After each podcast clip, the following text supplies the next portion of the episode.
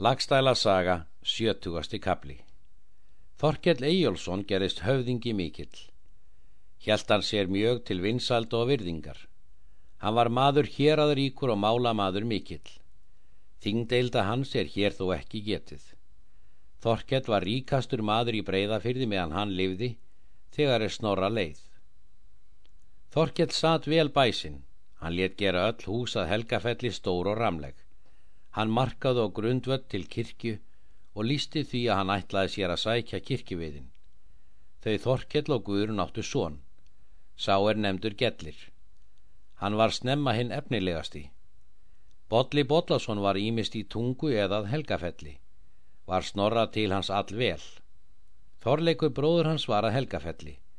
Voru þeir bræður miklir menn og hinn er knálegustu og hafði Bodli allt fyrir. Vel var Þorkalli til stjúbarna sinna. Guðrún unni Bodla mest allra barna sinna. Bodli var nú 16 vetra en Þorleikur 20. Þá rætti Þorleikur við Þorkel stjúpföður sinn og móður sína að hann vildi utan fara. Leiðist mér að sitja heima sem konum. Vildi ég að mér væri fengin farrefni. Þorkett svarar. Ekki þykist ég verð hafa mótgerða samur ykkur bræðrum síðan er tengdir voru að tókust. Þykir mér þetta hinn mesta vorkun að því fýsa að kanna síðu annara manna því að ég vænti að þú þykir vaskur maður hvar sem þú kemur með dugandi mönnum. Þorleikur hvaðst ekki myndi hafa mikið fjö því að ósýnt er hversu mér gætist til. Er ég ungur og ég mörgu óráðin. Þorkett bað hann hafa svo sem hann vildi. Síðan kaupir Þorkett í skipi til handa Þorleikir uppi stóði í dögurðar Fylgir Þorkellónu til skips og bjó hana öllu vel heiman. Fór Þorleikur utanum sumarið. Skip það kemur til Noregs, var þá landsöðingi Ólafur konungur hinn helgi. Þorleikur fer þegar á fund Ólafs konungs. Hann tók vel við honum og kannast við kinnferði hans og bauð honum til sín. Þorleikur þekktist það. Er hann með konungin veturinn og gerðist hirmaður hans. Virti konungur hann vel þótti Þorleikur hinn vaskasti maður og var hann með Ólafi konungi svo að vetrum skipti. Nú er að segja frá Bodla Bodla sinni. Þá er hann var átján vetra gamallum vori rætti hann við Þorkel máksinn og þau móður sína að hann vill að þau leysi föðurarf hans. Guðrún spyr hvað hann ætlaðist fyrir er hann kallaði til fjár í hendur þeim? Bodli svarar. Það er viljið minn að konu sé beði til handa mér.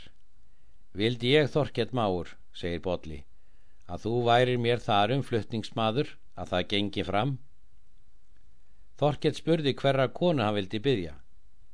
Bodli svarar, kona heitir Þórdís, hún er dóttir Snorra Goða. Hún er svo hvenna að mér er mesta um að eiga og ekki mun ég kongast í bráð ef ég ná eigi þessu ráði. Þykir mér og mikið undir að þetta gangi fram. Þorkett svarar, Heimild er þér máur að ég gangi með máli þessu ef þér þykir það máli skipta. Vænt ég að þetta mál verði auðsótt við snorra, því hann mun sjá kunna og honum er vel bóði þar er þú ert. Guðrún mælti. Það er skjótt að segja Þorkill að ég vil til þess láta yngar hlut spara. Að botli fái þann ráðakost sem honum líkar. Er það bæða ég ann honum mest enda hefur hann örugastur verið í því minna barna að gera mínu vilja. Þorkell lést að ætla fyrir sér að leysa botla vel af hendi. Er það fyrir marg sakir maklegt því að ég vænti þess að gott verði mannkaup í botla. Littlu síðar fara þeir Þorkell og botli og voru saman mjög margir menn, fara þar til þeir þeir koma í tungu. Snorri tók vel við þeim og blíðlega. Eru þar hinnar mestu ölvarðir af snorra hendi. Þórti Snorradóttir var heima með föður sínum. Hún var vænkona og merkileg og er þeir höfðu fár nætur verið í tungu þá ber Þorkjall upp bónorsmálin og mælir til mægðar við snorra fyrir hönd botla en til samfara við Þórdísi dóttur hans. Þá svarar snorri, slíkra máli er vel leita sem mér er að þér von, vil ég þessu máli vel svara því að mér þykir botli hinn mannvænsti maður og súkona þykir mér vel gift er honum er gift. En það mun þó mest um stýra hversu Þórdís er um gefið því að hún skal þann einn mann eiga að henni sé vel að skapi. Þetta mál kemur fyrir Þórdísi en hún svarar á þá leið að hún myndi þarum hlýta forsjá föður síns hvaðst fúsari að gifta spotla í sinnisveit en ókunnu manni lengra í brott. Og er Snorri fann að henni var ekki þett í móti skapi að ganga með botla þá er þetta ráði gert og fóru festar fram.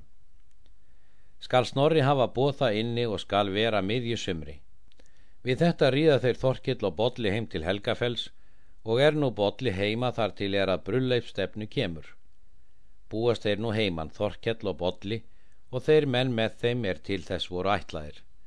Var þar fjölmenni mikið og hið skörulegasta lið. Ríðan og leið sín og koma í tungu. Eru þar all góðar viðtökur. Var þar mikið fjölmenni og veistla hinn virðulegasta. Og er veistluna þrítur búast menn í brott. Snorri gaf Þorkalli gjafar sæmilegar og þeim guðrúnu báðum. Slíkt sama öðrum sínu vinum og frændum rýður nú hver heim til síns heimilis þegar manna er þetta búið hafa sótt. Bodli var í tungu og tókus brátt góðar ástir með þeim þórdísi. Snorri lagðu á mikla stund á að veita Bodla vel og var til hans hvar betur en til sinna barna. Bodli þekktist það vel og er þau missir í tungu í góðu yfirlæti. Um sumarið eftir kom skip af hafi í Kvítá. Það skip átti hálft Þorleikur Bodlason en hálft áttu norrænir menn og er Bolli spyr útkomi bróður síns rýðir hann þegar söðu til borgarfjardar og til skips. Verður hvor þeirra bræðra öðrum fegin. Er Bolli þar svo að nóttum skiptir. Síðan ríða þeir báðir bræður vestur til Helgafells. Þorkett teku við þeim með allri blíðu og þau guðrum bæðu og buðu Þorleiki þar að vera um veturinn og það þykkur hann. Þorleikur dvelst að Helgafell um hríð, rýður síðan til kvítar og lætur setja upp skipi en flytja vestur varna sinn. Þorleiki hafði gott orð til fjár og virðingar því að hann hafði gert handgengin hinn um tignasta manni Ólafi konungi. Var hann nú að helga fellum veturinn en bolli í tungu.